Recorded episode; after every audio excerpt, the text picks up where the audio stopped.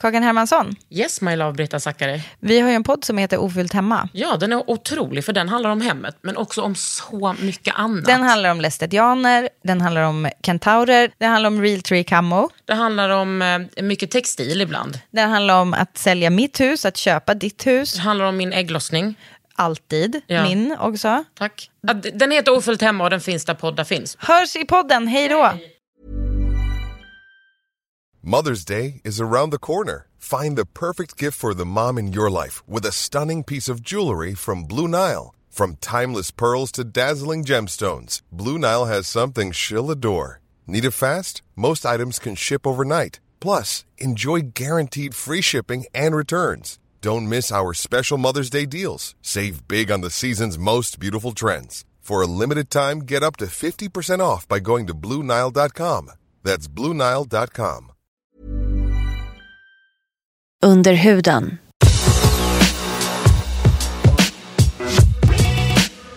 Med Kakan Hermansson. Nu ska du få höra när jag uttalar ditt namn. Ja. Nega Nase. Negar. Men vad fan! Åh gud, jag... Negar Nase. Ja. Åh, varför kan liksom inte bara... Men det är ingen som har satt det någonsin första gången. Men snälla, jag är irondost. Jag ska kunna det här. Jag vet. Fan också. Hallå, hur gammal är du? 38. 84. Alltså är du liksom nidbilden av en, så, en persisk tjej född 84? Ehm, mm, ja, kanske på vissa sätt. Ja. Eh, liksom välutbildad, um, högpresterande. Um, och den, jag vill ju vara ordentlig. Men det är där det brister liksom. Ja, du, var, du var snabb med att säga att det var ingen fara att det var stökigt hemma hos mig för att du är ganska lortig. Det är verkligen en definitionsfråga. Ja, men jag är sjukt lortig. Alltså, Har du barn? jag ju, ja, jag har barn. Och eh, jag har en man och jag gör ju ingenting nästan. Jag Hemma? gör ingenting. Jag kan beställa hem kläder till henne från nätet, men jag gör inget annat. Typ. Och så jag leker med henne jättemycket fantasilekar och rollspel. Ja. Men eh, alltså, allt som har att göra med städning, typ ehm, planering av eh, mat eller inköp, så här, det, det tar emot. Det gör din snubbe. Ja, men han har ju... Där är det ju något som fattas också. Eftersom det är en snubbe. Jag förstår. Men, eh, men vadå, vem lagar maten? Vem städar Ja, men nu har vi flyttat till Uppsala. Aha. Och där bor ju mina föräldrar. Oj, oj, oj, oj. Min mamma lagar en hel del mat kan jag säga. Wow. Ja, det är god mat. Ja. Ja. Men är du, liksom, har du... ehm, Men jag lagar mat. Jag lagar mat. lagar du Alltså, persisk mat? Nej, tyvär. Bad Bacht, varför gör du inte det? För att jag är badbacht. Ja. För att mina föräldrar liksom bara serverade. Det var Det- det vi pratade om innan vi tryckte på räck. Mm. Att både du och jag har blivit så... Alltså min mamma gjorde allt hemma. Mina föräldrar gjorde allt. Ja. Jag ringde dem, jag var 19 och hade flyttat till Madrid. Då ringde jag dem och frågade hur kokar man ris? För jag hade ingen aning. Nej men ris är också väldigt svårt. Och de gav mig det mest invecklade svaret då. Mått av ris, hur jag skulle Mm. mäta, jag skulle ha någon handduk över kastrullen, jag skulle ånga. Alltså det var... Mm. Så jag tror inte ens jag gjorde det då. Nej, såklart. Men det var inte så att du skulle göra tadik, det var bara... Jo, tadik. Okej. ja. Tadik med potatis. Åh, fy fan vad gott. Men du, är du, eh, du är liksom eh, psykiater. Ja, blivande barn och ungdomspsykiater. Precis. Mm. Men du är också författare. Ja, nu börjar, har jag börjat kalla mig själv författare aktivt. Jag gjorde inte det efter första och andra boken. Men nu tredje. ja, nu. Du bara, jag har inte så höga krav på mig själv. Nej, men jag började tycka det var löjligt liksom, att jag var tvungen att hitta på så här. Ja, men jag är en skrivande person. Eller jag gillar att skriva och läsa. Så bara, Nej, men du är författare. Men hur hittade du det? Alltså hur... Ja, jag höll på hela... Jag höll på eh, sen jag var pytteliten. Med att skriva? Ja, jag hade en skrivmaskin som jag fick när jag var sex. Och skrev på den. Och sen har jag bara skrivit och skrivit och läst. Jag, hade ju, jag var ju jätte, jätte introvert när jag var liten. Så jag bara, bara läste. Och jag var introvert ett bra tag. Alltså jag skulle säga kanske gymnasiet ut. Nej. Men ungefär. Men vad skrev du då? Ehm, jag skrev, i början började jag med att kopiera. Så att jag skrev av saker. Eller så här, om det var någon saga så skrev jag om den med små variationer. Sen började jag skriva eget. Sagor, berättelser. Och sen när jag var typ alltså gymnasieålder började jag skriva lite längre, kanske noveller eller så. Men var det någon som läste? Jag visade, min pappa var jätteintresserad. Alltså han var också den som liksom eldade på mitt litteraturintresse från att jag var väldigt liten. Är du född här? Ja, jag är född här, jag har aldrig varit i Iran. De kom innan revolutionen som gäststudenter. Och sen kunde de liksom inte åka tillbaka. Är de akademiker? Ja, politiskt aktiva. Och så kunde de inte åka tillbaks. Ehm, så att de, pappa har ju aldrig varit där heller sen revolutionen. Eller ja. Mm. Ehm, men han var ju liksom den som drev på det. Och han var ju eh, socialist och han var liksom, hade läst mycket så här um, sovjetisk pedagogik. Eh, trodde mycket på spegling liksom. Så, så fort jag läste något då läste han det och så pratade man om det. Eller Wow. om jag gick på pianolektioner då gick han på pianolektioner. Men och så. gud, vilken underbar grej. Underbart. Underbart. En, eh, alltså helt otroligt att ha Och det. utgå från barnet. Ja, utgå från Gud, det här är barnet. så inspirerande tycker jag. Ja, jag försöker använda mig av det så mycket jag kan. Jag tycker det är jättesvårt. Mm, ja, men det är ju det. För att man har ju sett Kung Fu Panda liksom 3000 gånger. Och jag vill inte se den fler gånger, men ändå sitter jag där. Ja, så försöker jag prata om Vajana. Mm. Åh, jag älskar Vajana. Ja, Tyvärr är min son över den. ja okej. Men jag är ja. inte över den. Nej, nej, inte jag heller. Nej, den är så bra. Mm. Alltså tänk att det är liksom, det är en sån här POC-flicka och det är inget så här heterosexuellt tjafs. Det är vänskap och en Nada. gris typ. Vänskap, en gris, farmor. Åh, Ja. krabban. Ja. ja, den är stor. Men hade du självförtroende, alltså skapade det ett självförtroende i dig att din pappa var sådär? Att du bara, ja, jag är en skrivande person. Ja, jag, jag, jag hade ett magnifikt självförtroende sen jag var liten. Och sen när jag blev lite äldre fattade jag kanske att jag inte var så där underbar. Typ. Men det var också ett självförtroende som handlade om kreativitet och hjärna och inte bara om ja, looks. Att jag liksom. kunde liksom. För jag, jag, jag var ju utsatt för liksom rasism från att jag var liten Mm. egentligen.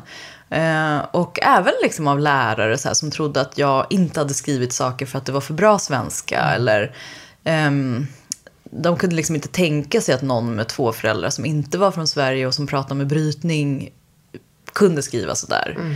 Så det var, det var mycket sådana situationer jag kommer ihåg. Men, men, det, men och så hade vi liksom ett samtal mycket om rasism och så här, från att jag var väldigt liten, kanske för liten. För att egentligen emotionellt kunna liksom koppla an. Men jag fick ju höra så här om vi och dem och hur det funkar när man tänker så, vad som händer. Och, Tänk att det, det är så vanligt när man kommer från politiska familjer. Nu har, nu har inte jag eh, eh, utsatts för rasism, men att mina föräldrar har också alltid pratat politik. Ja. Det är liksom bara, jag, vet, jag vet inte var det börjar och var det slutar. Nej, men heller. långt innan jag kunde intellektualisera det. Ja, nej jag kunde inte heller intellektualisera. Jag mer liksom efter ap, alltså jag härmade. Det tog sig in och så hade jag inga egentliga motsvar eller motargument. Eller så jag, så det var liksom aldrig mitt eget. Men nu kan jag känna så här att jag har ungefär kommit fram till samma saker. Ja. Egentligen, det är det speciellt på något Jag sätt. med, fast eh, m- mer radikalt. Ja, ja vad spännande. Ja. Undrar hur det kom sig. Du, det har jag funderat mycket på. Ja, Mina föräldrar kommer hit i eftermiddag. Du kan få ta del av den diskussionen. Nej, men jag vet inte. Och det var ganska, alltså det var tidigt som jag gick om dem. Ja. Alltså identifierar jag själv. Min pappa tycker inte det. Eh, men, eh, och det här, det ständiga, ständiga, ständiga, ständiga diskussioner om politik och livet och allting. ja. Jag är så tacksam att jag har det. Jag med. Jag är så tacksam. Nu i efterhand kan Mm. jag verkligen vara så här, wow, gud, tänk att jag har det. Vilka, vilken gåva. Ja, men också Och då att- när vi var barn. Då var det ju så här, ja ah, så här är det hemma hos oss. Mm. Och sen hade man ju inte riktigt den insynen i... Man, tänk, man formulerade ju inte ens undra hur de pratar hemma hos henne eller hemma hos honom. Alltså hos oss pratade vi om det. Punkt slut. Mm, precis så. Precis så var det för mig också.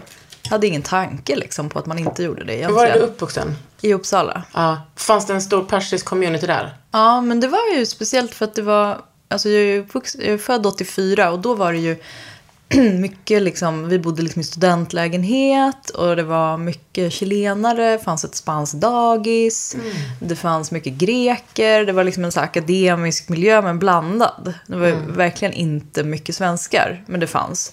Och de svenskarna var också liksom så väldigt öppna. Ehm, så min syrra gick till exempel på ett spanskt dagis, fast vi liksom inte pratade spanska. Men lärde hon sig det? Ja, hon lärde sig spanska liksom. Ja, nu kan hon ju inget. Ja. Men, ja, i alla fall. Men sen var det ju, jag hade ju som otur då, för att 90-talet när det kom, det var som att de var ju superaktivister på 80 och tidigt 90 och sen blev de ju lite badbacht. Alltså lite, det blev, de var ju tvungna liksom att kämpa i det här, så här superkapitalistiska samhället rätt hårt liksom. Och är inte det att vara aktivist? Jo, men och då var det ju som att det splittrade upp.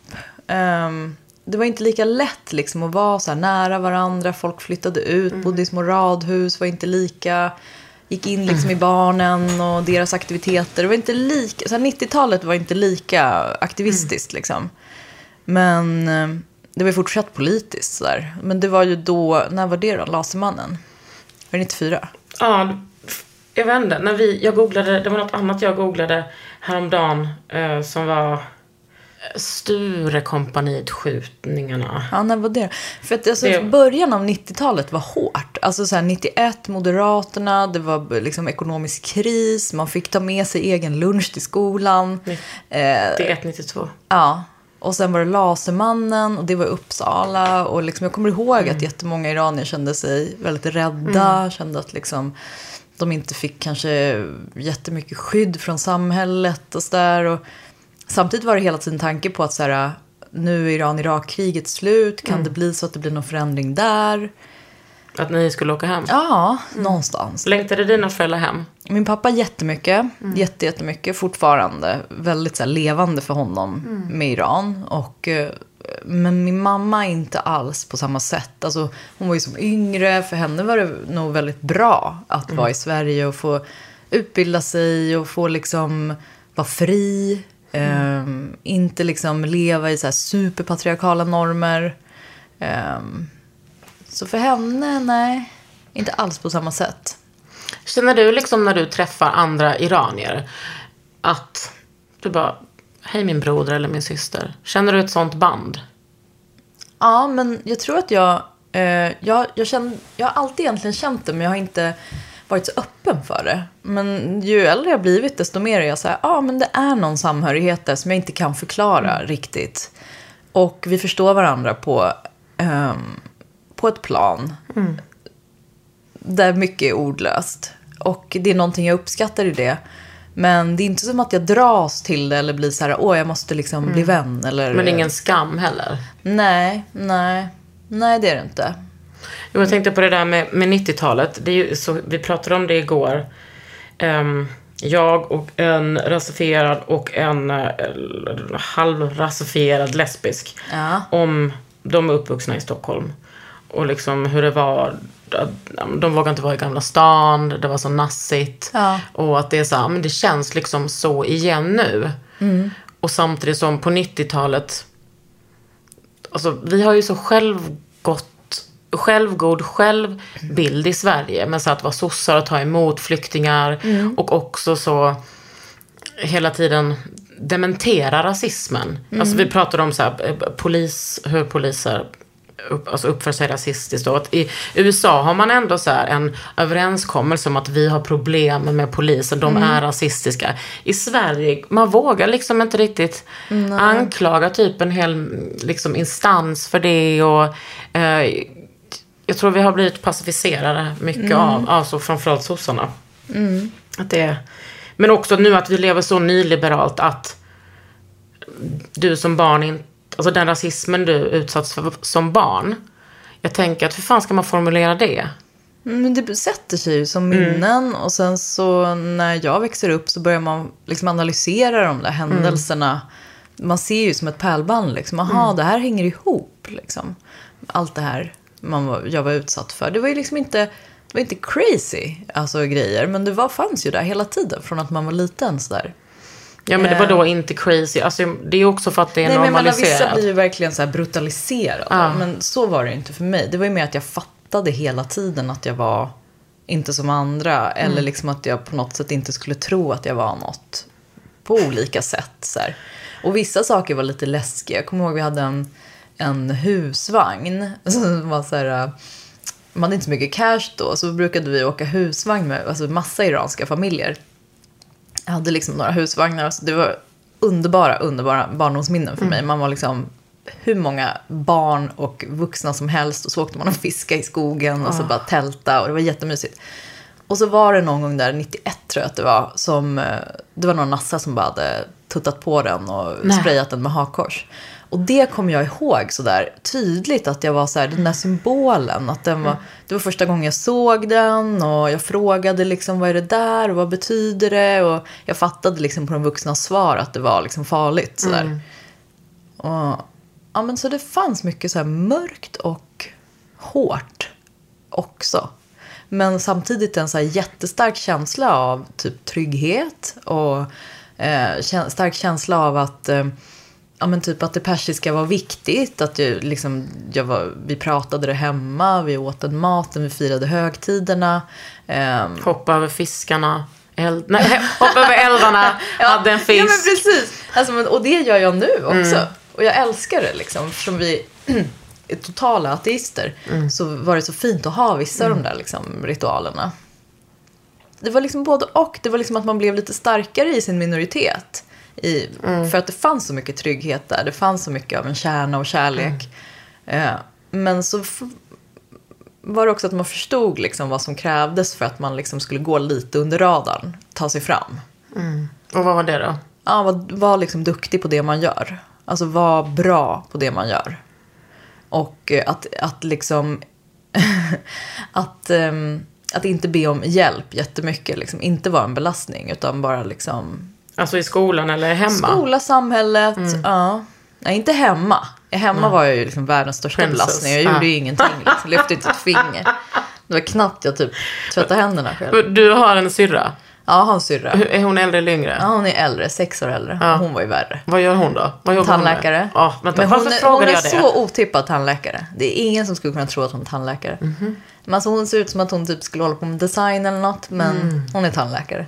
Min eh, tandläkare är iranier. Ja, det kanske är min syrra. Nej, hon är jätteung. Jaha, okej. När hon låg och gjorde mina tänder så kollade jag på henne. Alltså första gången vi såg så jag bara... Jag bara, har, vi, har du varit på Fullersta? Hon bara, ja. Jag bara, det är en sån här punkställe. Ja, ja. Jag bara, jag har träffat dig där när du var 14 och hon bara, ja, det är sant. Nej. Hon började rött kort hår. Jag bara, åh gud. Ja, hon har liksom varit en sån liten krustpunkare när jag var typ en lite äldre krustpunkare. Men gud, vilket märkligt ansiktsminne du har. Ja, jag har ju inte det ens. Men jag mindes liksom ett sammanhang. Där jag eh, sa till dem, bli inte ihop med någon kille. ja, det var väl... eh, Var så- det ragg? Vad sa du? Var det en raggreplik? Nej, nej, nej, nej. De var jättemycket yngre. Och de Jaha, var två ja, hon var tjejer. 14, Ja, ja. Och jag var sen Alltså stay away från de här liksom störiga punkkillarna. De ska inte ni ha någonting. Men jag gick och liksom spread my word. Men visste du att du skulle bli läkare? Nej, ja, jo, herregud. Du Jag bara, mina föräldrar visste. De visste. Och jag visste, alltså jag trodde att jag skulle bli agro, eh, arkeolog väldigt länge. Mhm. eh, jag hade någon liksom idé av det där liksom. Men... Sen kom jag ihåg att jag ville bli lastbilschaufför och då, då var mina föräldrar jätteoroade. Ja. De bara, vi låser in dig. Ja, och sen hade jag jobb, jag jobbade en sommar i mitt liv och då jobbade jag i en glasskiosk. Och gud, vänta, hur gammal var du då? Mm, jag var 16. Ja, Jag jobbade sedan jag var 12 varje sommar. nej, nej, vi fick ju inte jobba. Fick Eh, ni pengar? eh, Ja. Wow, det är otroligt. Mm, och de hade ju inte så mycket pengar. Nej. Alltså de stretade på. Det var ju inte som att det bara rann pengar om det. De, vad jobbade då med när du var liten? Eh, pappa är agronom, mamma är lärare.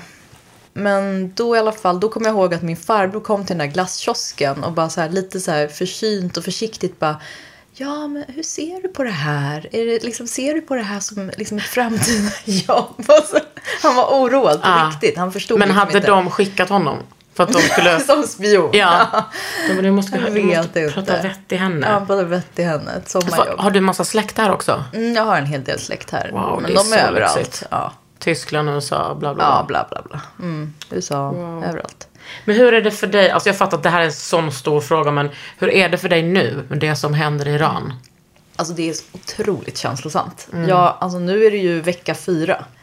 Så det är en hel månad nu av eh, de här protesterna, revolten, revolutionen, vad man nu än vill kalla det. Det får vi väl se vad det, vad det blir. Men där jag typ inte tänker på något annat egentligen. Jag har, jätte, jag måste, jag har jättesvårt att tänka på något annat. Och även på jobbet. Liksom, att det som räddar mig lite det är typ när jag sitter med en patient. All annan tid så tänker jag på det där. Och vad tänker du då? Men jag har så mycket hopp och liksom skräck och sorg och någon märklig så här, du vet, eufori som man får stå i vägen för. Alltså någon så här bubblande känsla. Alltså just för att det sker en förändring. Ja, för att de gör motstånd. S- Och också sättet de gör det på och varifrån det kommer. Alla de här unga, unga personerna. Det Tjejerna, otroligt. killarna. Det, ja, det är helt sjukt.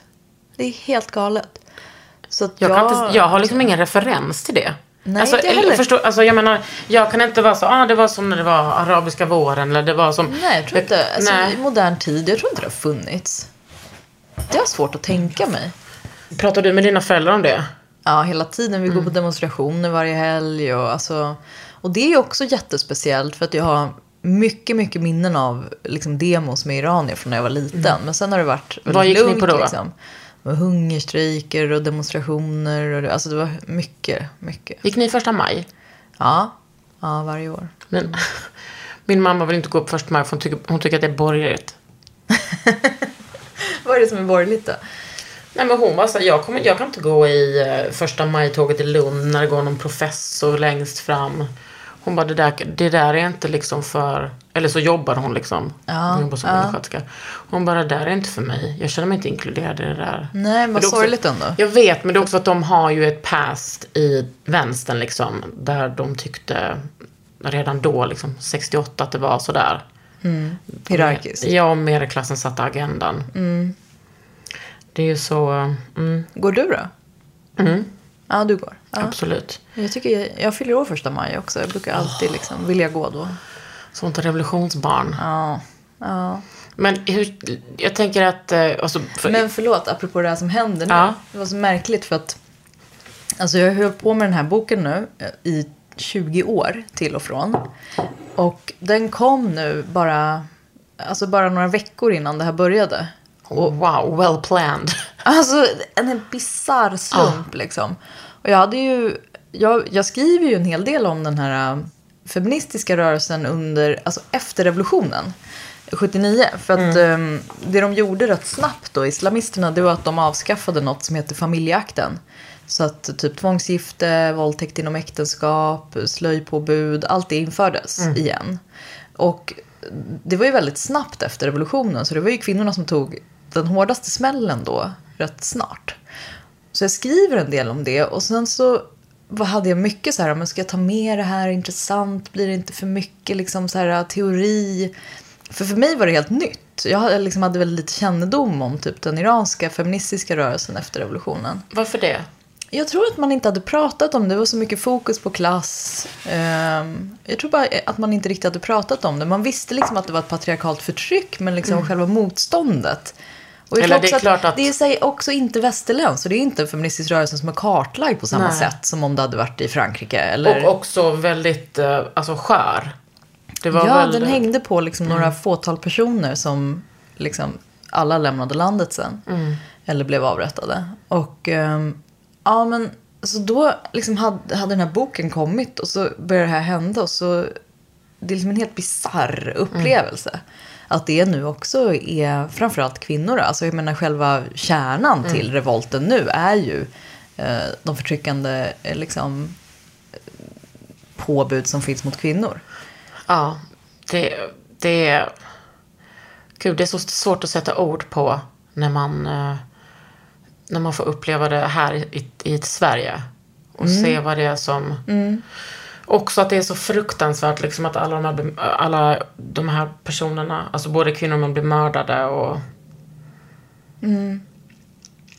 Men det har de ju blivit innan och... Alltså jag menar inte att förminska det, men jag tänker att det är så här, i den staten så har de ju blivit, De blivit det, det. också. Andra innan. Men Ja. har du liksom tagit ett steg och eh, blivit mycket mer personlig i den här? Nej, nej. Utan den är liksom... Jag skulle egentligen, tror jag, aldrig kunna skriva jättepersonligt. Nej. Alltså jag är, jag är så förundrad liksom av skönlitteratur. Alltså av fantasi och roman. Liksom konsten på det sättet. Jag är inte alls, jag har aldrig varit särskilt intresserad av självbiografiskt skrivande. Men jag menar, det är ju inte jag som har skrivit en, eh, en bok om flykt och Teheran. Nej, Det är du. Nej men precis, men det, det ligger närmare liksom, vad ska man säga, min bakgrund. Men det är, det är absolut inget eget upplevt eller sådär.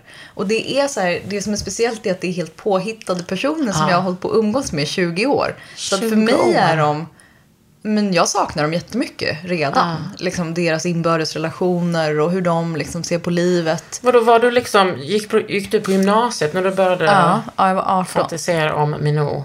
Ja. Mm, Minou och hennes son Nima som står på en balkong i Teheran september 78. Och eh, då var det ju bara fokus på dem. De två liksom. Och den lilla lägenheten och så pågår revolutionen liksom. Och sen helt plötsligt blev den mycket större. Sen plötsligt blev det 40 års tid, hela familjen. Ehm, och så följer jag shahens sista halvår lite så här i dokumentära partier. När han är i Panama och sen Kairo. Så jag, har ju som, jag har absolut inte jobbat så här tidigare. Nej. Jag har skrivit som typ kammarspel. Alltså så Mm.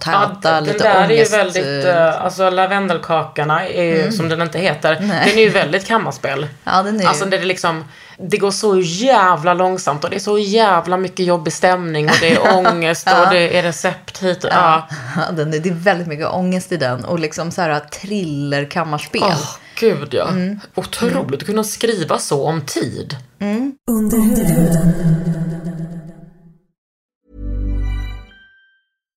Hi, I'm Daniel, founder of Pretty Litter. Cats and cat owners deserve better than any old fashioned litter. That's why I teamed up with scientists and veterinarians to create Pretty Litter. Its innovative crystal formula has superior odor control and weighs up to 80% less than clay litter. Pretty Litter even monitors health by changing colors to help detect early signs of potential illness. It's the world's smartest kitty litter. Go to prettylitter.com and use code ACAST for 20% off your first order and a free cat toy. Terms and conditions apply. See site for details. Quality sleep is essential. That's why the Sleep Number Smart Bed is designed for your ever evolving sleep needs. Need a bed that's firmer or softer on either side? Helps you sleep at a comfortable temperature? Sleep Number Smart Beds let you individualize your comfort so you sleep better together. JD Power ranks Sleep Number number 1 in customer satisfaction with mattresses purchased in-store. And now save 40% on the Sleep Number limited edition Smart Bed for a limited time. For JD Power 2023 award information, visit jdpower.com/awards. Only at Sleep Number stores or sleepnumber.com. Men det här måste ju ändå liksom, det här ligger ju så nära din, dina föräldrar, dina Mm. släktingar. Var du rädd för att liksom visa upp det här för dem? Nej, för den är, den är ju mörk men den är ju skildrad med jättemycket ljus och värme. Så att det är ju, jag tycker att den liksom, jag tycker att den är så full av kärlek. Och eh, det var jättefint för att när den kom, mina föräldrar och min syrra hade liksom inte läst den. Så de fick liksom de första tre exen som jag fick. Och så hade de som en liten bokcirkel liksom och läste tillsammans. Och det var så, det var helt underbart för mig att de läste och tyckte om så mycket. Och jag menar, de har varit rätt kritiska så här, till mina andra böcker. Åh, gud, vet, som familj pappa. kan vara. Jo, Alltså, så här. Helt, liksom man bara, okej. Helt transparenta med exakt allting. Ja, och så bara, kan du inte skriva lite så här nästa gång? Alltså du vet, sånt där som är fruktansvärt Man bara att skriv höra. själv. Ja men precis. Och så är jag så här, gud du har ingen förståelse för litteratur. Alltså så här, du fattar verkligen inte. Och så, fast med en liksom sårad känsla kan Ja. jag tänka ibland. Men också det där med att man, att man, hallå jag är vuxen, jag är inte ett barn längre. Nej, jag får göra det här. Hallå Ja. har släppt en bok. Ja, precis. Men har du under 20 års tid, eller 38 års tid, är det liksom... Kan du så mycket om revolutionen att du eh, inte var tvungen att göra någon så här faktacheck eller liksom... Jo, jag var mycket tvungen att göra mycket faktacheck för Ja. att jag har ju blivit matad. Men jag vet ju inte hur sant det är. alltså, Men det är så intressant. jag har ju inte haft, eftersom jag blivit matad, jag har inte haft någon källkritik.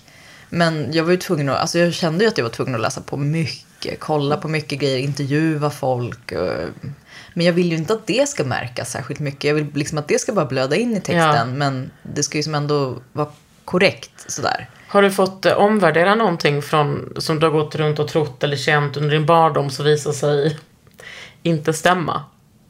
Ja, men det tänker jag att jag har gjort under många år. Alltså det är liksom den här vänsterrörelsen. Alltså dess brister ibland. Det är jag liksom tvungen att förhålla mig till egentligen ofta. Och, och så var det här med. Att det var, ja, hur det var liksom med den kvinnokampen som fördes. Hur, Alltså den i Teheran, mm, då. alltså postrevolution. ja, postrevolution. Mm. Det är också så intressant vad man, eftersom det ligger, förmodar jag dig, så varmt om hjärtat. Att behöva sticka hål på vissa saker. Ja, det är speciellt. Ja. Det är speciellt, men det är ju också någonting med att lära sig, sa, alltså att lära sig mycket om något gör också att man blir lite skyddad.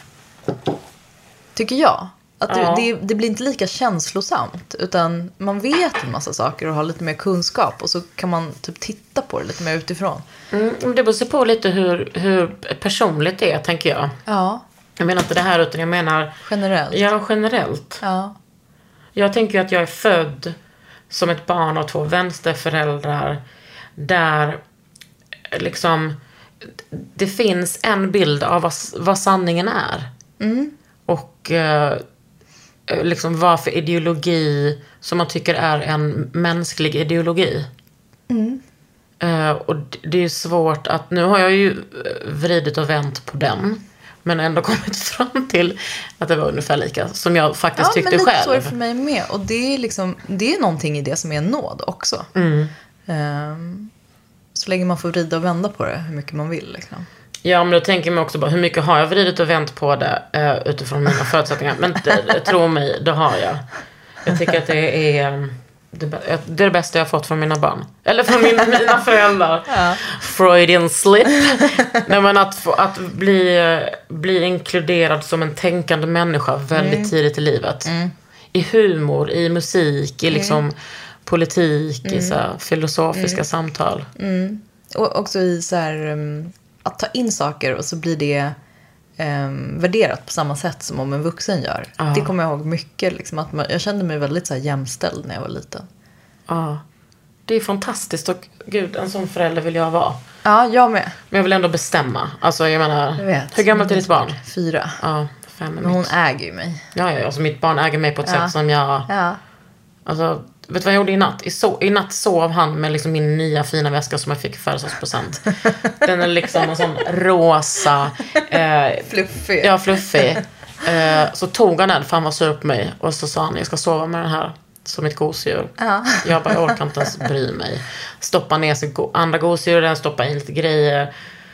I, i morse han bara, jag vill ha yoghurt. Jag bara, då kan du inte få ha väskan. Han bara, jo. Jag bara, nej du får inte. Jag ha yoghurt. Jag bara, du får inte ha väskan då. Han skulle han också ta med den till förskolan. Men där, Oh, där wow. gick, ja, där gick Ja. min gräns. Där satte du ner foten. Där, ja, men det är ju... Men jag har inte ens någon fot riktigt. Men tänker du att Jag är mycket så här mer bara, ah, ska distrahera, avleda. Ja. Typ går inte ens in i det. Ja, men eh, man försöker ju allting, Ja. såklart. Men vad, tänk, tittar du mycket på dina föräldrar? Jag tänker på så här konstiga grejer min pappa säger till mig. Han bara, "Eh, ditt enda jobb är att inte ge henne en anledning att skrika. Jag bara, aha, är det mitt enda jobb? Okej. Åh gud, då har jag misslyckats eh, Ja, men då har man kopiöst. misslyckats. Och sen bara, om hon typ skriker då eller säger något, han bara, sluta tortera henne nu. Jag bara, jag har knappt Så sagt de är, någonting. liksom, de är likadana eh, med ditt föräldraskap som de var med sig? Ja, de har övergett mig nu. Alltså deras fokus är henne nu. Wow. Mm. Och hon får all uppmärksamhet va? Wow. Det är ingen tar-off där inte? Nej. Nej. Alltså det finns ingen, hon behöver inte ens fråga om nej, någonting? Nej, nej, nej. Pratar du persiska med henne? Ja, ja. Wow. Det är hennes första språk nu. Men hon svarar inte. Men alltså hon fattar ju allt. Wow. Det där är när man har gått i terapi i tusen år och pratat med sina föräldrar och sen själv blir förälder. Mm. What a ride. Ja. Jag skulle tycka det var jätteintressant att gå i terapi när jag var liksom mycket äldre. Du, det finns tid för det också. Jag vet. Det är, jag gör det nu. Jag trodde liksom, jag har gått sedan jag var 18, liksom till och från. Ja. Eh, och nu så går jag i en sån eh, EMDR, Ja, traumaterapi. okej. Ja, vad spännande. Ja, och det är verkligen så eh, otroligt... eh, jag var bara så här, jag är öppen för vad som helst. Vi, vi, det var min gamla terapeut som skickade mig till henne. Hon bara, vi ska testa det där som en sån lätt hypnos. Och det funkar så jävla bra. Men jag tror mycket på det. Ja, och jag är ändå en kritisk människa. Men det är så, det är så fysiskt liksom. Och hon är också rolig att ha att göra med, min terapeut. Mm. Ja, vad roligt. Ja. Vad har du gått i för terapi?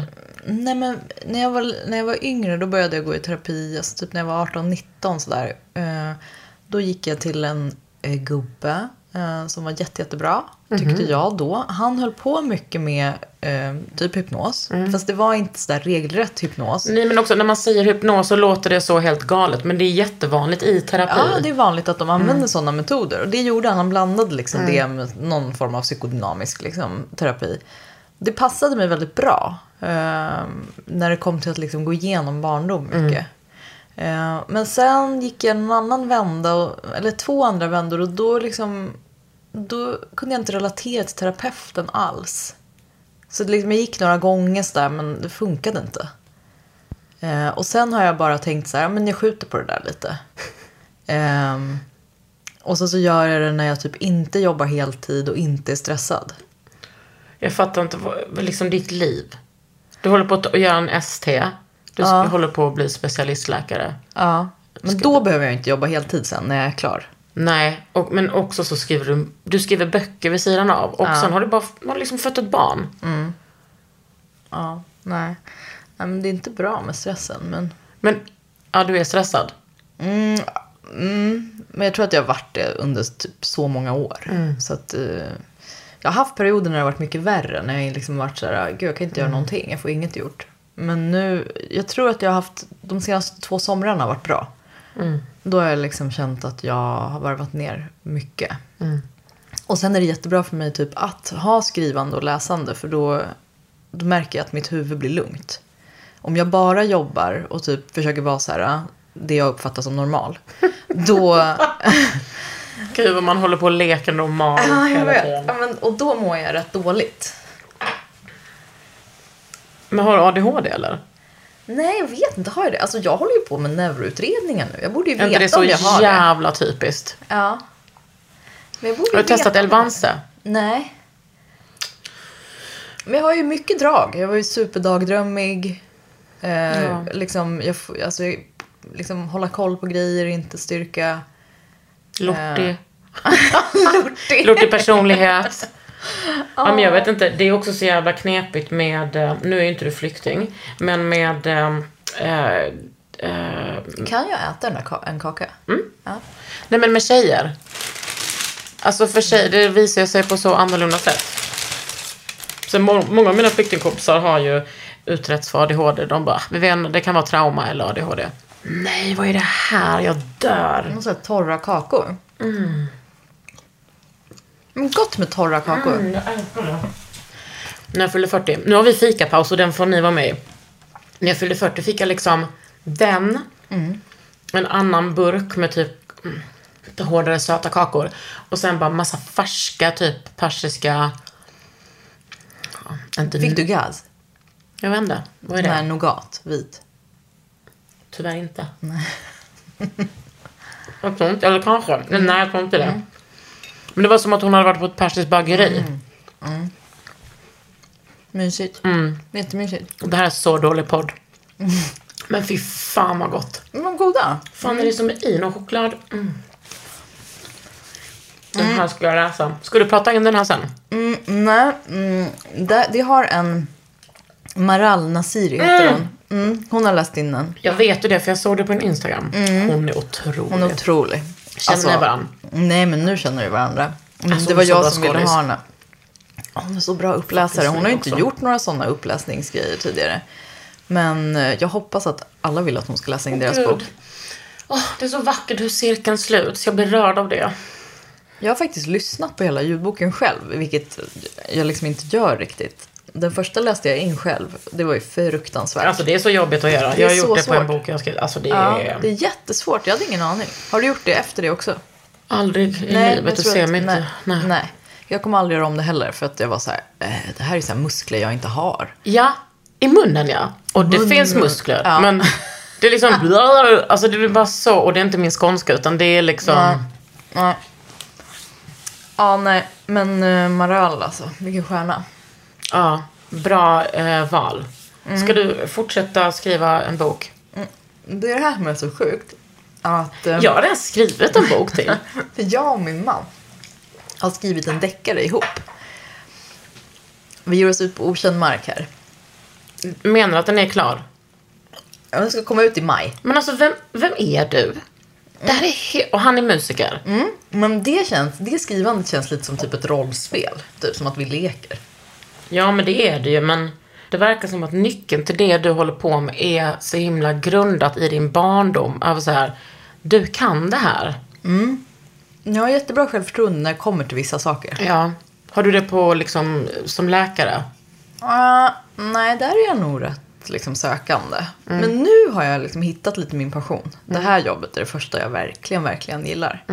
Jag trodde inte jag skulle gilla jobba med barn och unga. Jag har inte gjort det så mycket tidigare. Men jag älskar det. Jag tycker så mycket om jobbet och liksom jobba med familjer. Och Det måste vara så jävla svårt. jätte, jättejobbigt också.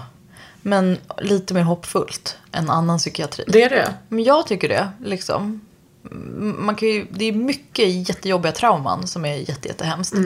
Och det är ju väldigt mycket jobbigt i vissa familjer. Men det är ju också någonting liksom att livet väntar om. Det kan liksom ta vägen.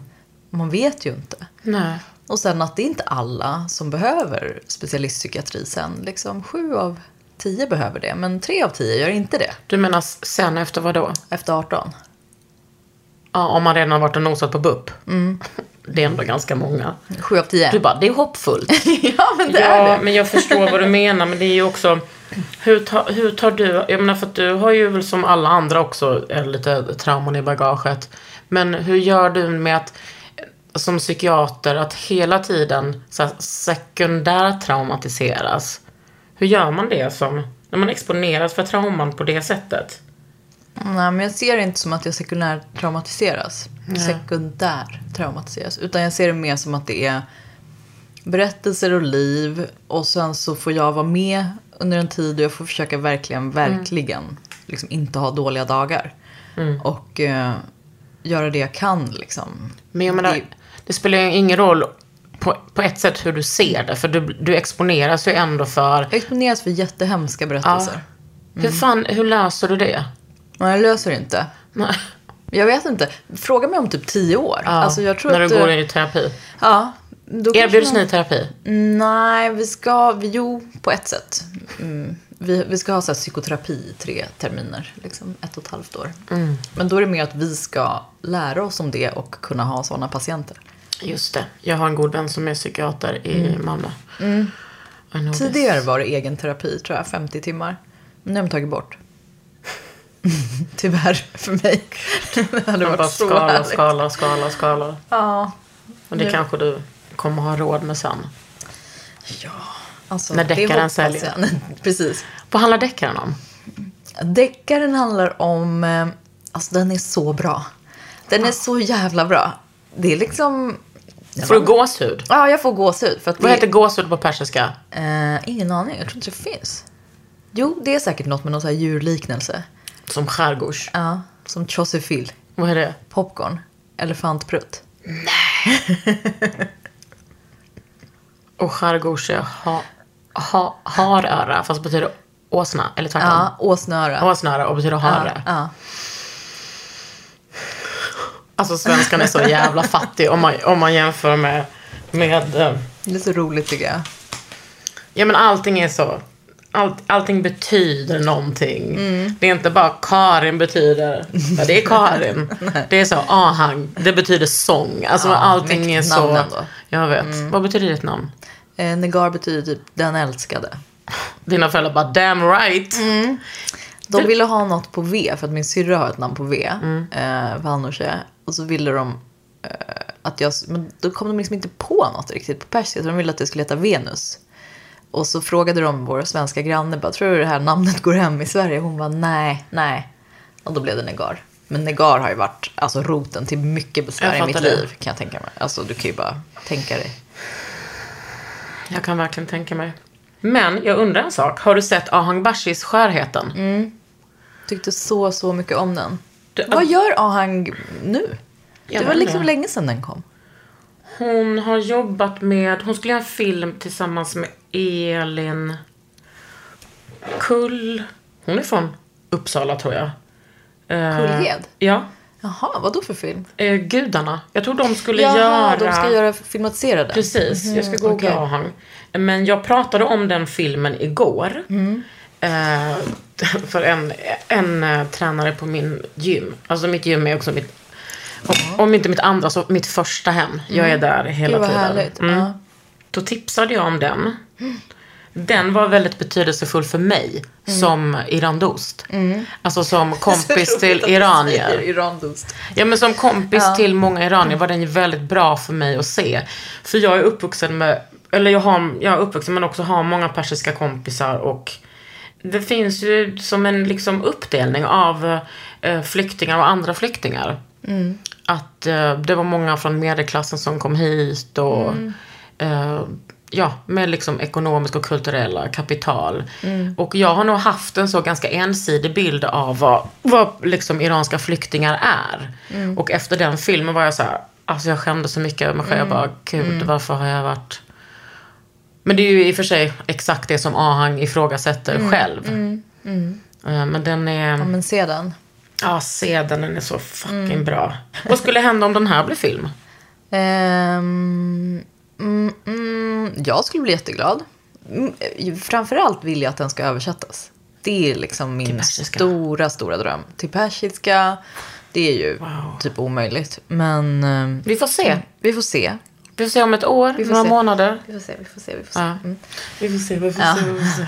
Och sen ehm, skulle jag vilja att den översätts till andra språk också. Det är liksom, jag vågar knappt säga det för att det låter så himla fånigt på ett sätt. Men jag, det är något med den här boken. Det är kanske att jag har jobbat på den så länge. Eh, Alltså 20 bara att ansatsen är så stor Mm. och den betyder så mycket för mig. Och jag har varit mycket, mycket mer engagerad liksom, i relation till typ förlaget. Med så här, jag vill att den ska märkas eller jag vill att ni ska typ jobba den mer. eller, förstår du? Mm. Ja. Jag har hållit på så, på ett sätt som inte är jag alls. Nej. Liksom. Men, så den betyder jättemycket och jag skulle bara vilja att den blev översatt. För jag tror, jag tycker också att det är en väldigt bra bok. Ja. Så jag gillar den själv. Men tänker du så in terms av andra exiliranier över världen som ska få ta del av Det den? skulle vara jättekul Ja. om så typ iransk diaspora kunde läsa den, men också bara andra typ bokälskare. Mm. För jag menar, det är inte, det är ju som en andra generations skildring också, liksom, och en första generations skildring. Och, ehm, men jag tycker det är en jävligt fet bok. Alltså den är ju så här epos i, Ja. ehm, själva, själva uppbyggnaden är ju som ett epos. Och sen väger den lätt. Den är ju inte så här 600 sidor och tung men det är på ändå det en sättet. storkuks, den har storkukslugn. Tycker du det? Big clit energy. Gud ja, Ja. 100%. Men jag tyckte jag den för. första boken jag läste av dig också hade det. Jag var väldigt sådär, kollade upp dig. Ja, jag var verkligen såhär, undrar vem hon är. Gud, det där är så speciellt att hon är läkare. Och att hon gör det här. Och jag, du vet, jag undrade så mycket om dig. Bara, varför, hur kom hon på att hon kunde skriva? Och hur blev hon... Men hur kommer man på sina passioner? Alltså, för jag känner att jag har varit så lyckligt lottad att jag har vetat sedan jag var liten. Men kan man hitta passioner som vuxen? Det, måste, det kan man ju såklart. Jag har hittat passion nu. Ja. I att brottas. ja, alltså wrestling. Ja, brasiliansk jujutsu. Oh, wow. Ja. Det Är det sparkar? Det är allt? Det är inte sparkar. Inte Man sparkar. ligger och brottas och blir förödmjukad av alla andra som håller på länge. Nej men jag tror, jag, jag tror lite problemet med att jag hittat passioner hela tiden. Du vet, helt rastlös sökt. Jag- Jag har ju leran. Men Mm. det är ju mitt jobb. Men precis som att detta är, är ditt jobb. Men jag eh, kommer ihåg att jag blev, helt, jag blev så tagen av den boken. Och att eh, jag blev så himla så här av så här Ja, men läs den här. Du kanske blir tagen av Det är den väl här klart jag också. kommer bli tagen av den här. Ja. Jag har ju en, alltså enorma förhoppningar. Men vad har hänt under de här 20 orden? Finns det meningar med som du skrev för 20 år sedan i den här? Ja, ja, det finns. Hur det har, liksom, har det varit en sån eh, liten diskett som har följt med? Ja, nej, alltså, ja, jag skriver ju för hand också. Nej, du Jo. fucking driver. Jo, så jag har ju liksom alla de här böckerna som jag har skrivit. Så Varför gör- alltså, kollegieblock. men varför att jag var det? 18. Jag tror bara att det är så jag alltid har gjort. Och sen så renskriver du? Ja, så renskriver jag in på dator. Det är ju som en bearbetning i sig. Eh, Du bara, jag behöver mindre stress. Men jag vet inte. Skulle det vara mindre stress att skriva på dator tror du? Direkt? ja. Mm. Nej men det är det sjukaste jag har hört. Alltså, jag känner mig så icke samtida hela tiden. Ja, jag förstår det. Ja, herregud. Men i alla fall, då skriver jag för hand och sen sitter jag och skriver in det på datorn och så läser jag högt det jag skrivit in. Det är väldigt bra. Mm, det är väldigt bra. Och så eh, lyssnar jag på det. Och så skriver jag om. Men det är tre scener, lite längre scener, som är 20 år gamla. Som är med. Men resten är ju omarbetat fast det är ju samma trådar. Men hur kommer det sig att du... Jag tänker att det har varit en utmaning för dig att så här, när är jag klar? 20 år är ändå halva, mer än halva ditt liv. Hur, Varför känner du att du är klar nu? Men för att jag, jag, för typ fyra år sedan hittade jag formen. Så jag hade liksom, jag jobbade på den aktivt i tio år. Höll på att skicka in till massa förlag. Var liksom nära någon form av utgivning. Och då var den ju det här lite mer kammarspelet, mor och son, eh, nutid i Sverige. Och sen för, så la jag ju bara ifrån mig det, för jag orkade inte mer. Jag blev refuserad så många gånger och liksom till slut då, för fyra år sedan, då fattade jag att eh, nej, oj, det är den här formen. Liksom. Det är så här, vi, sk- jag, jag, jag vet ju vem den här sonen är nu. Och jag vet att han, han och hans syster är väldigt, väldigt tajta och de räddar varandra. Och så, och så vet jag att ja men shit, mamman kommer åka tillbaks till Iran och där finns hon. Och jag såg de här aktivisterna som var med, vad som hände med dem. Och, och så visste jag att Shahen skulle vara med. Så det var någon form, det var som något som klickade i formen. Och så kunde jag bara skriva klart den. Och så hade jag världens bästa redaktör. Gunilla. Externa, Gunilla Sundén. Alltså hon är, hon är magisk. Jag läste. Att Hon har gjort... eh, Hon har jobbat jättemycket med Lars Norén. Och Tålamod liksom, finns. Alltså wow, vilken människa. Hon är så typ så här språkpsykolog känns hon som. Hon kan känna liksom om en, känn, en rad stressad i liksom ett stycke. Men gud, otroligt. Hon har alltid rätt. Och hon liksom älskade texten. Och, och, och det var ju... ja, Du kan ju bara tänka dig att jobba med någon som älskar det du har gjort. Ah. Det har jag aldrig gjort förut. Men jag undrar, om man är uppvuxen och... Det är sorgligt att jag aldrig har jobbat med någon som jag gillat det jag har gjort kanske. Det är rätt vanligt, tänker jag. Det är också vanligt. Ja, precis. Men jag tänker, om, har du något tips om man liksom har vuxit upp och inte haft föräldrar som har tyckt att man har varit helt otrolig människa och allt man gör är otroligt. Vad ska man få sitt självförtroende ifrån? Men det där tror jag alltså att man kan få egentligen var som helst ifrån. Alltså man kan få en, så här, en känsla av positiv feedback från alltså bara andra människor. Alltså vänner, relationer, hundar, skola, alltså vad som helst. Ja, men jag tänker att vi, så här, vi kvinnor speciellt och hbtq-personer och så här, människor som har erfarenhet av flykt eller att rasifieras. Vi har också lättare liksom att falla in i självhat och... Ja, mycket lättare men också liksom att det finns en styrka i mycket minoritetsgrupper. Liksom. Att man stärker upp varandra mycket. Ja, mitt självförtroende kommer... Det är klart att det, det absolut kommer hem, hemifrån, men det kommer absolut från eh, här, den separatistiska feministiska rörelsen. Där jag för första gången kände, ja, ah, jag är det som jag intresserar mig av. Är ju liksom, Det där räcker ju bara liksom en viss sträcka, det man har med sig hemifrån. Mm. Det räcker ju. Sen, sen blir det ju jätteviktigt att Ja, hitta det där själv på något Jag sätt tror också. ändå, det räcker en sträcka, men sen så bara, är man 41 helt plötsligt och har, fått barn och förstår att det var ganska viktigt också. Ja, nej, jätte, jätteviktigt. Men jag menar bara att vid en viss punkt typ i ungdomen känns det som att det inte räckte så långt. Att det Ja, var, ungdomen, herregud. den var ju rätt, alltså jag tycker det var jättesvårt Mm. också. Ja, väldigt virrigt. Jag är så och- glad att det är över liksom. Ja, jag med. Så fuck, alltså science fiction. Jättejobb, alltså så här, bara åh, pubertet och sen bara ännu värre och så ännu värre. Alltså, öh. Det är bra att du jobbar med sånt nu. Ja, Att du får ta ansvar för Ja. fler sådana. ja alla, alla fina som bara lider av det där. Ja. Nej men vänta, säg vad nu vad deckaren handlar om. Deckaren, ja. alltså den är fan en hit. Ah. Så jag känner det på mig. Ja. Kan man säga det innan? Nej. Alltså i den här podden kan du verkligen säga det. mitt onda öga. Ja men du kan säga det. Men, ehm, nej, men det handlar om en... Alltså grejen är att vi, vi hade som typ ett rollspel. Alltså att vi fantiserade om en granne som var kriminolog. Eh, typ 60-årig kvinna som bodde över oss. Och så hade vi en kvinna som jobbade på vårt stammishak. Eh, som, de här två kvinnorna tyckte vi var så här utmärkta exempel på hur man vill åldras. Vänta, och de här människorna de, fanns? De är, finns på riktigt. Ah. Så jag och min man gick omkring och bara, fan hur ser det ut hemma hos dem? Vad gör de på helgerna? Da, da, da, och så bara hittar vi på så här, mm. en hybrid av det här. Ah. En, en, kvinna som är så här, rätt självtillräcklig, rätt nyfiken, eh, men fortfarande brinner för mycket saker. Liksom. Har så starkt patos typ. Och hon är ju civilutredare i Stockholm och så åker hon hem till Västerbotten då. De ska vara över sommaren. Får nys om ett Varför dras du alltid till Norrland? det är för att han är därifrån kanske. Ja, ja, ja, ja. Men, och också för att jag tycker typ att det är så vackert. Ja, det är mäktigt. Jag hade ju liksom inte så mycket skönhetsupplevelser i Sverige innan jag träffade honom. Mm, var är han ifrån? Ja, i och för sig Umeå. Men alltså, jag menar, Ja, men alltså, jag menar eh, liksom inåt landet där. Jag tycker det är jättevackert. Inåt Ja, mot det är Lappland. jättefint. Ja. Men och då parar hon ihop sig med en ung, ung iransk polis där, Bahar.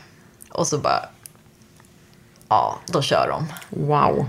Wow.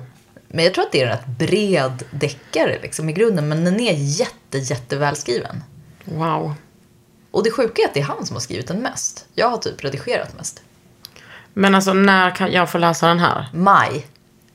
Ja, men du kan få läsa innan om Precis, du vill. så du min menande blick. Ja, ja. Bora Baba, låt mig få läsa. Gillar du deckare eller? ja, jag älskar. Gör du? Okej, ja. för vi måste ha en så här typ folk som gillar deckare Mm. eh, och läser mycket deckare. Vi vill ha en liten sån så här fokusgrupp. Precis, och jag gillar ju att läsa. Har du läst Karen Slaughter? Nej, jag har inte läst några deckare. Okej, det är kul. Nej men hon, hon, du vet, många deckare handlar ju om mörda kvinnor, bla bla bla. Och Ja, det det är här är typ, en mördad bonde, eller en bonde som har Okej. dött. Man vet inte om det är ett mord. nu avslöjar du allting. Nej, men det börjar så. Ja, okej, bra. Nej, men eh, hon skriver typ... Eh, alltså, det här håller inte alla med men jag tycker att hon skriver liksom deckare på feministiska. Att det är liksom... Vad hette hon sa? Eh, hon heter... Alltså det stavas Karin, Karen Slaughter. Ja, alltså, Slaughter? jag är som slaktare. Wow. Ja. Ja. Och det är... Jag tycker att hon... ehm, Ja visst, alltså kvinnor dör, men det finns alltid liksom ett feministiskt perspektiv. Och det tycker jag saknas eh, mycket. Så, eh, Mm. Det hittar du här. Ja, men det, det jag kan det är tänka ingen mig. kvinna som dör, det är två kvinnor som håller i Ja. utredningen. Och den är, det är mycket porträtt av kvinnor som är helt, helt sagolika. Ja. Jag gillar deckare skitmycket och jag tycker att det är roligt att eh, deckare har så låg status när det är liksom, tänk att kunna trolla fram spänning sådär. Men så svårt tycker jag. och binda ihop Det är liksom. mycket handling på ett annat Ja. sätt. För mig har det varit jättebra, för att jag tycker att det är så svårt med handling. Det är ju inte så jag tänker liksom, när jag skriver. Mm. Men här är det ju mycket mer så här, oj, scen på det och vad händer sen och scen. Mm. det Samtidigt- kommer ju bli film eller serie, det fattar du va? Jag hoppas det. Ja, Jag hoppas. fan vad kul. Mm. Jag ser så mycket fram emot att läsa den här. Men jag är också så här, fan, den här borde ju min mamma få. Men vänta, jag kanske kan lyssna på den. Lyssna. Ja, Lyssna på Maral. ja, jag ska göra. lyssna? Ja, gör det. älskar. Är Allt i min ateljé. Mm. Mm. Jag heter Kakan. Jag heter Negar. Och du lyssnar på Under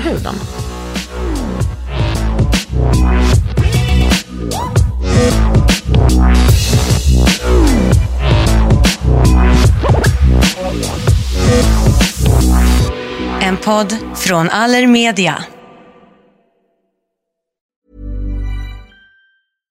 Imagine the softest sheets you've ever felt. Now imagine them getting even softer over time. That's what you'll feel with Bowl and Branch's organic cotton sheets. In a recent customer survey, 96% replied that Bowl and Branch sheets get softer with every wash. Start getting your best night's sleep in these sheets that get softer and softer for years to come. Try their sheets with a 30-night guarantee. Plus, get 15% off your first order at bowlandbranch.com. Code BUTTERY. Exclusions apply. See site for details. A lot can happen in the next three years. Like a chatbot may be your new best friend. But what won't change? Needing health insurance. United Healthcare Tri Term Medical Plans are available for these changing times.